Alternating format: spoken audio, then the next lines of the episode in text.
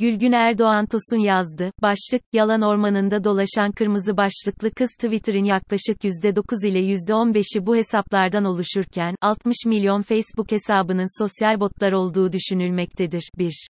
Hal böyleyken günümüz geleneksel ve dijital medya dünyasında gezinen yurttaşları yalan ormanında dolaşan kırmızı başlıklı kıza benzetebiliriz.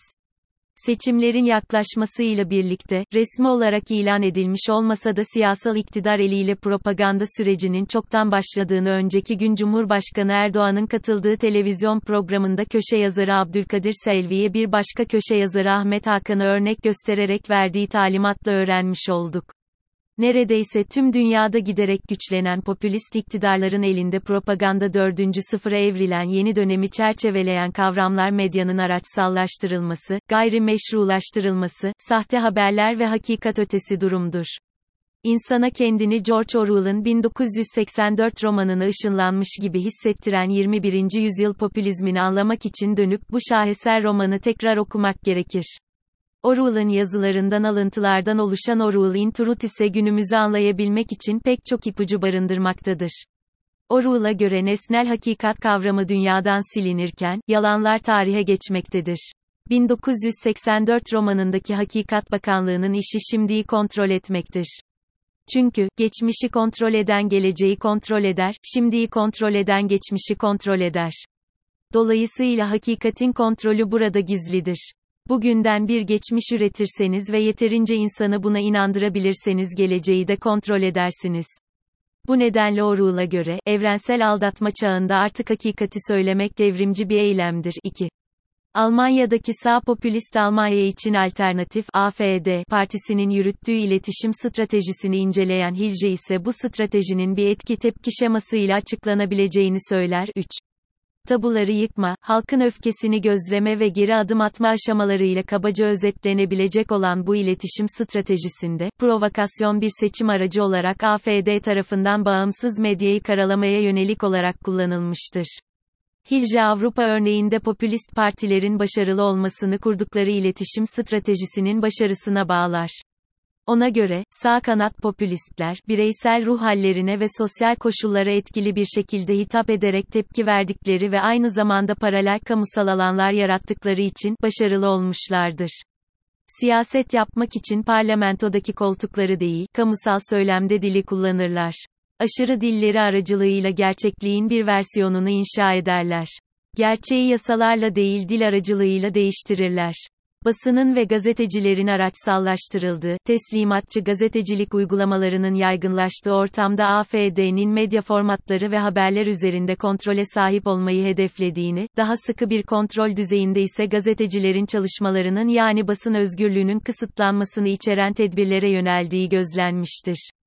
Bu kısıtlama tedbirleri gazetecilerin akreditasyonlarının reddedilmesi, salonlardan çıkmaya zorlanması veya soru sormalarının engellenmesi sıralanabilir. 4. Bunun dışında sağ popülizmin hakim olduğu Polonya, Macaristan gibi örneklerde dikkat çeken nokta, kontrol edilebilen medya aracılığıyla sahte haberler üretilirken, bağımsız gazeteciliğin ürünü olan her türlü eleştirel ve muhalif medya içeriğinin yalan haber olarak nitelendirilmesidir.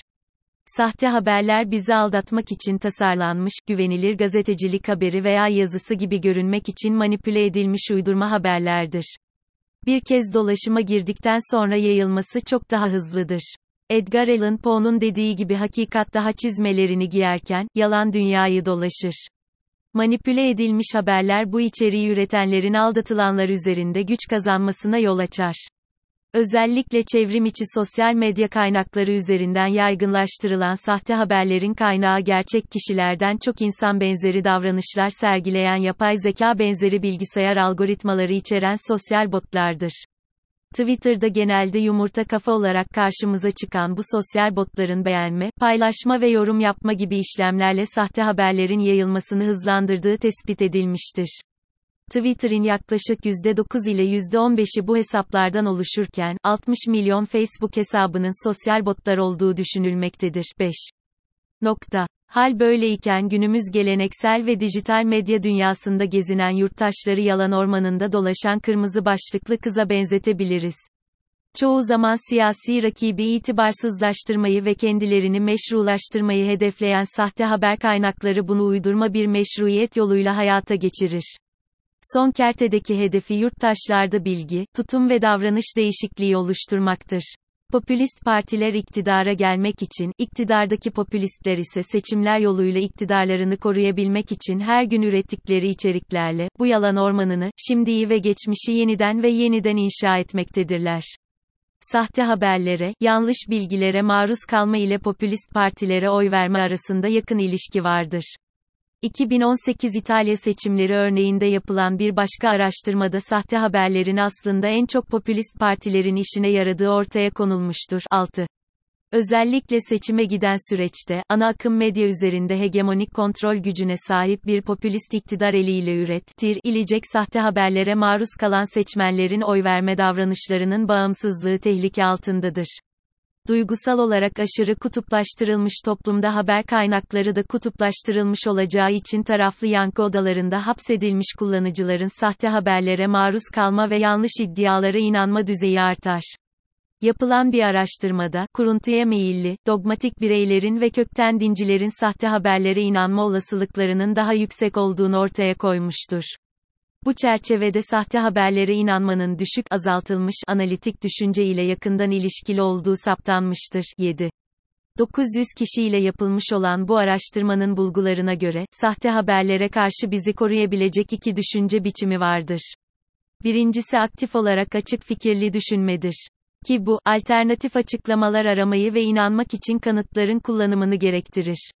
İkincisi analitik düşünmedir. Bu da sezgileri ve içgüdüsel duyguları yansıtmak için kasıtlı düşünce süreçlerini başlatma eğilimini içerir. Açık fikirli ve analitik düşünceden uzaklaştıkça sahte haberlere olan inanç artar.